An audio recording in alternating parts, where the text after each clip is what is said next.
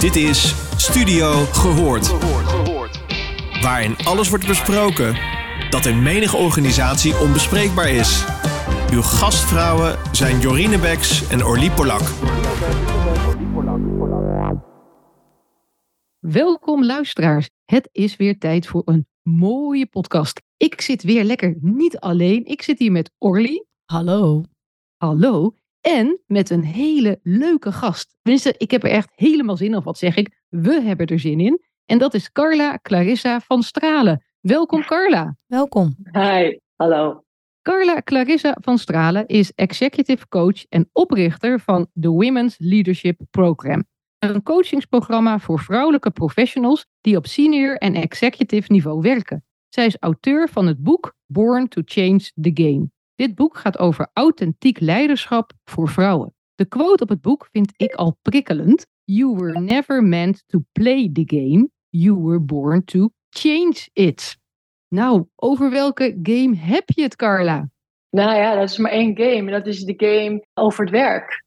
Gewoon wat we op het werk doen, uh, hoe we ons werk doen, hoe we leiden, waarom we überhaupt met elkaar een organisatie vormen. Maar op al die gebieden die gewoon over het spel op het werk gaan, daag ik vrouwen uit die dit willen, om daar verandering in teweeg te brengen. En vaak gaan die veranderingen over het menselijker maken, het duurzamer maken, het evenwichtiger maken, maar ook daadkrachtiger met onethisch gedrag omgaan. Al die elementen over die game. En nu vind ik onethisch gedrag inderdaad ook wel iets om mee aan de slag te gaan. Maar hoezo moeten we hem veranderen? Kijk, heel veel organisaties worden uitgedaagd om in deze tijd waarin we, waarin we leven, om hun businessmodellen opnieuw vorm te geven. En daar hoort ook een andere cultuur bij, een andere organisatiecultuur. En dat is ook waar ik vandaan kom. Hè. Ik heb heel lang organisaties begeleid in het vormgeven van hun transities, het vormgeven van cultuurveranderingstrajecten. En daarin zag ik vooral de grote impact die vrouwelijke leiders hadden op het vormgeven, op het met elkaar, het laten groeien van een cultuur die nodig is, ook passend bij deze tijd. En ja, passend bij de nieuwe businessmodellen die zo'n bedrijf aan het ontwikkelen is. Maar hoe anders zijn vrouwen dan dan mannen? Want ik ben eigenlijk bijna mijn hele carrière, denk ik, misschien wel ondernemer. En ik heb die ervaring niet. Kun je ons eens meenemen van wat je dan hebt gezien waarin je zegt, nou daarin zit echt het verschil? Ja, kijk, waarin zijn vrouwen anders dan mannen? Dat heeft toch vooral te maken met hoe anders onze ervaringen zijn dan de ervaringen van mannen. En zeker binnen grote organisaties. In de eerste plaats moeten we ons realiseren dat in Nederland zijn wij, en dan moet ik even ik en de vrouwen die na mij komen, ik ben geboren in 1977, de eerste generatie vrouwen die echt actief met hun carrière aan de gang is gegaan, die met het najagen van maatschappelijke invloed aan de gang is gegaan. Ja, er waren ook een aantal vrouwen voor mijn tijd die al belangrijke posities hè, daarin aanwezig waren. Maar over het overgrote deel, de afgelopen honderden, zo niet een paar duizend jaar, zijn alle invloedrijke posities in onze maatschappij, in onze politiek, in onze economie, op de academie, op, in onze religie, allemaal ingevuld geweest door mannen.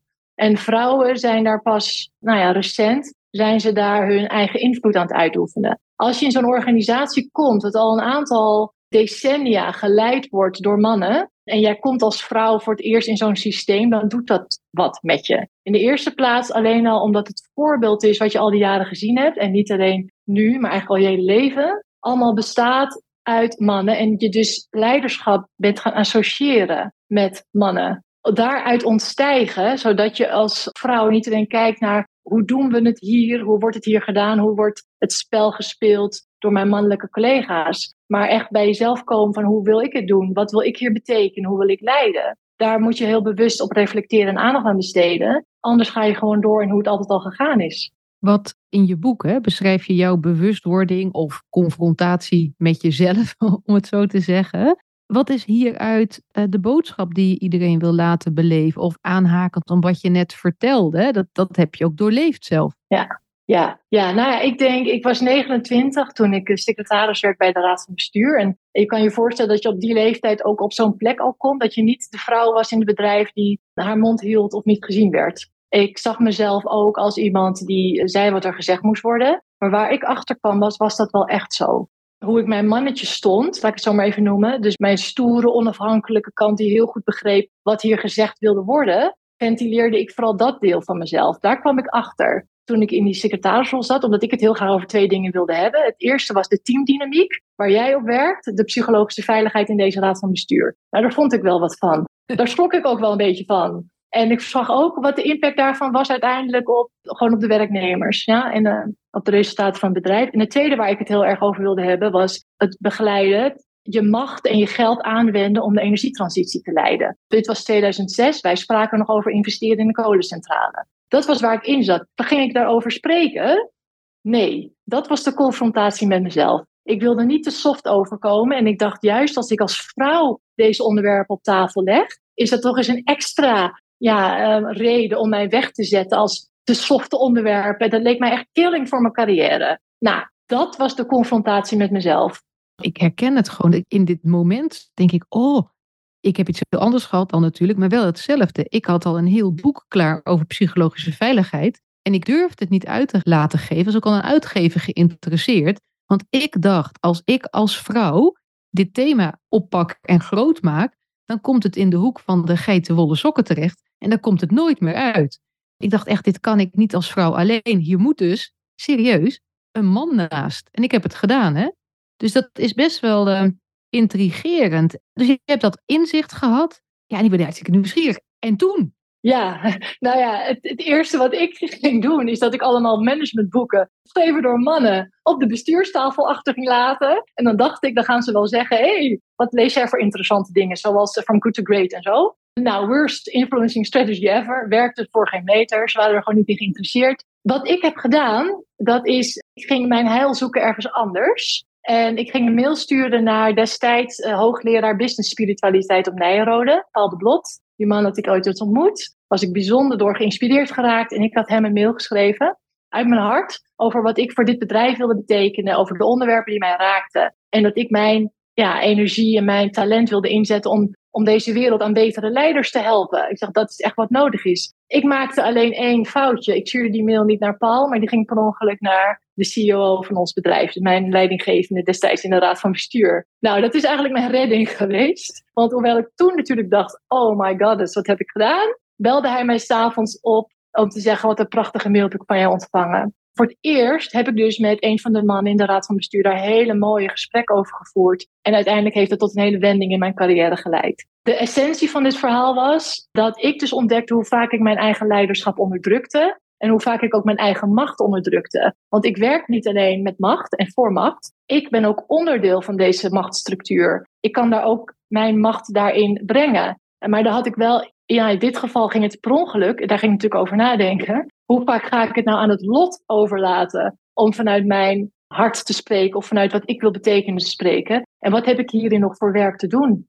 En dat is mijn eigen reis, wat ik dan in mijn boek omschrijf als de Journey to Wholeness. Maar de reis die ik te maken had, en dat ging over het omarmen van mijn identiteit als vrouw in dit systeem waar ik in werk. Dat heeft mij heel veel verrijking gebracht. Maar is dat per se feminien? Want hoe zit dat nou? Want het, het lijkt alsof je vertelt, dat je je aanpast aan de groep van mannen en dat je dat associeert mhm. met een masculine cultuur en dat je jouw benadering van de wereld wat meer voor duurzaamheid is, voor sociale veiligheid meer feminien is. Ik vraag me af, is dat zo of is het ook door de tijdsgeest en de echte ellende die we in de wereld zien gebeuren, dat vooral ook mannen dit willen?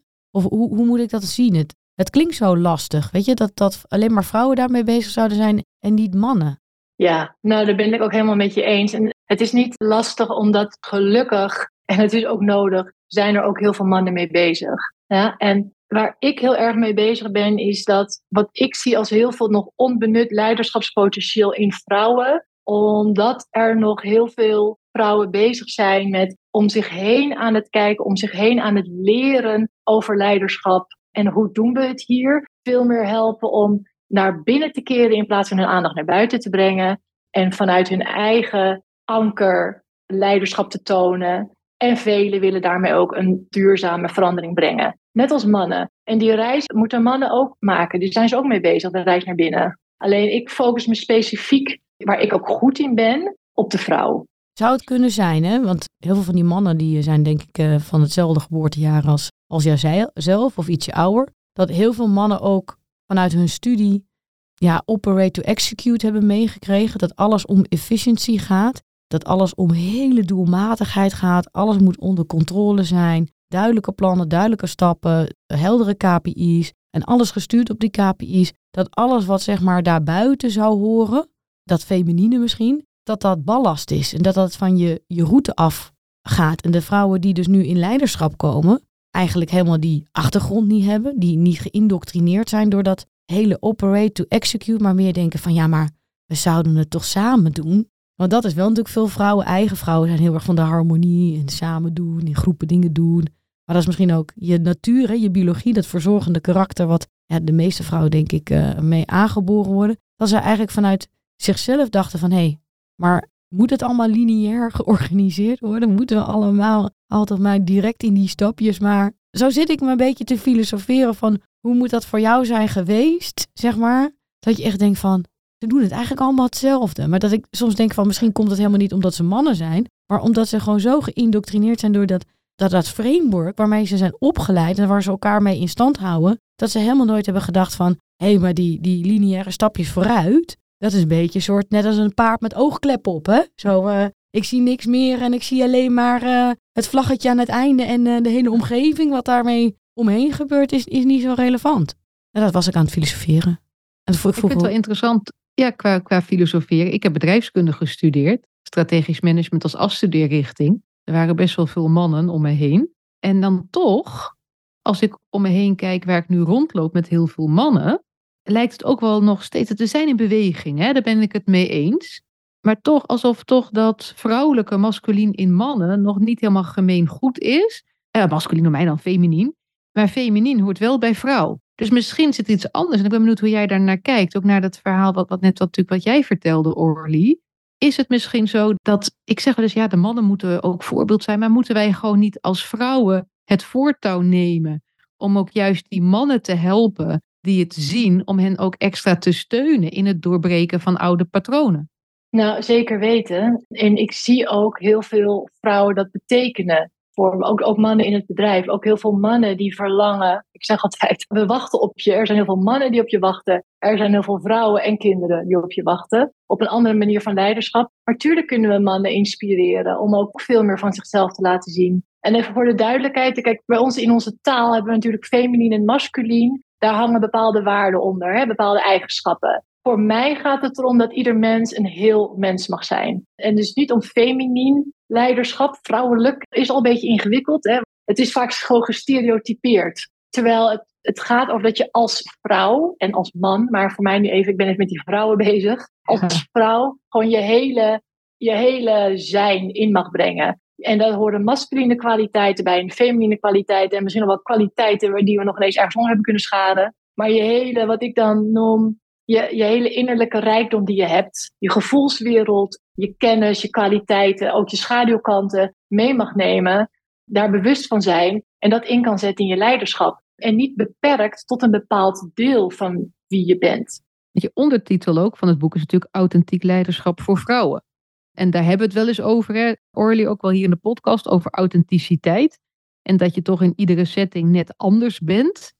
En hoe besteed jij hier in het boek aandacht aan? Ja, kijk, voor mij draait het even om dat woord authenticiteit. gaat voor mij over dat je je durft te laten zien wie je bent. En dan moet je natuurlijk eerst jezelf ook verkennen. Dus daar gaat die reis naar binnen over. Weten waar je voor staat, wat je denkt, wat je voelt. Maar ook begrijpen welke delen in jou nou nog sluimeren. En, en hoe, hoe jij als vrouw gevormd bent in deze maatschappij. En wat je dus van jezelf nog niet hebt omarmd of niet mag zien. Of wat je in je moeder veroordeeld hebt. Of nou ja, al die elementen, ja, wat er in het bedrijfsleven niet zo gewaardeerd wordt, hè, is jouw sprankelende energie nou echt een, een, een gift voor? Hè? Of is dat vooral iets waardoor je niet serieus wordt genomen? Maar hoe jij ernaar kijkt, hoe kijk jij naar jezelf? Hoe kijk jij naar al die delen in jou die jij hebt mogen ontwikkelen en al tot bloei hebt gebracht? En welke delen ben je aan het verstoppen? Ja, daar word je een, weer niet alleen een gelukkiger mens en een stralende vrouw van, maar daarmee word je ook een verrijkte leider. Dus ja, dat authenticiteit gaat er voor mij om durven te laten zien wie je bent. Niet alleen wat hier er mag zijn.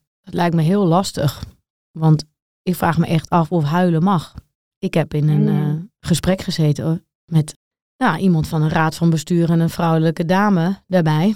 Die ging huilen in het gesprek. En de meneer in kwestie vond dat wel heel erg lastig. En een beetje gênant misschien Ja. ook wel. Want ja. Ja. ik vraag me af in hoeverre mag een vrouw haar emoties op het werk tonen? Ja, kijk, en waar het hier nou even om gaat, is in hoeverre mag zij dit van zichzelf? En misschien was het niet de juiste plek. En misschien heeft zij zoveel emoties onderdrukt en niet doorvoeld, waardoor het er nu uitkomt, juist op het moment dat ze het net niet wil. En dat kan allemaal. Hè? En toch, ik moet denken aan een van mijn klanten die het verhaal vertelde, die dit had. En die ging schreeuwen, ga toch zakdoeken halen, man. Ik kan al die tranen toch niet aan mijn jurk afvegen, weet je zo. Toch is het, hoe comfortabel is zij zelf bij dat dit er even uit mag? Dat is wat ook je gesprekspartner uiteindelijk zal ervaren of diegene ermee om kan gaan. Er zijn heel veel mensen die ongemakkelijk worden als er iemand huilt. Maar als degene die zelf huilt zich er niet zo ongemakkelijk bij voelt en kan zeggen: Dit moet er gewoon even uit. Ondertussen kan ik gewoon nog functioneren. Ik kan nog denken en ik kan zelfs nog praten. Dus laten we vooral lekker doorgaan. Dan hoeft het ook niet zo'n enorm ding te worden. Maar boosheid vinden we toch wel makkelijker. Als er dan zo'n raad van bestuursvergadering een beetje... Ja, het wordt een beetje verhit. Hè? De belangen staan op scherp. Alles staat een beetje op scherp. En iemand slaat met zijn vuistje op tafel. Dan vinden we dat allemaal prima. Dan hebben we volgens mij allemaal niet zoveel moeite mee. Tenzij het heel agressief is, dan weer wel. Maar het andere blijft toch wel lastig. En ik weet niet of het altijd aan de authenticiteit van de vrouw ligt om dat geaccepteerd te krijgen. Ik denk dat het ook wel, zoals jij zelf al zegt, met die vooroordelen, dat veel emotie inderdaad nog steeds wel wordt gezien als soft. Als, ja, je kan je mannetje niet staan. Hè? Op het moment dat de druk op de ketel wordt, dan eh, krijg je knikkende knietjes. En op het moment dat het spannend wordt, dan sta je hier te grienen in de kamer. Ik denk dat, dat als vrouwen echt volledig zouden willen zijn zoals ze misschien thuis of bij hun vriendinnen zijn, dan Ja. wel echt veel gedoe krijgen op dat hogere niveau.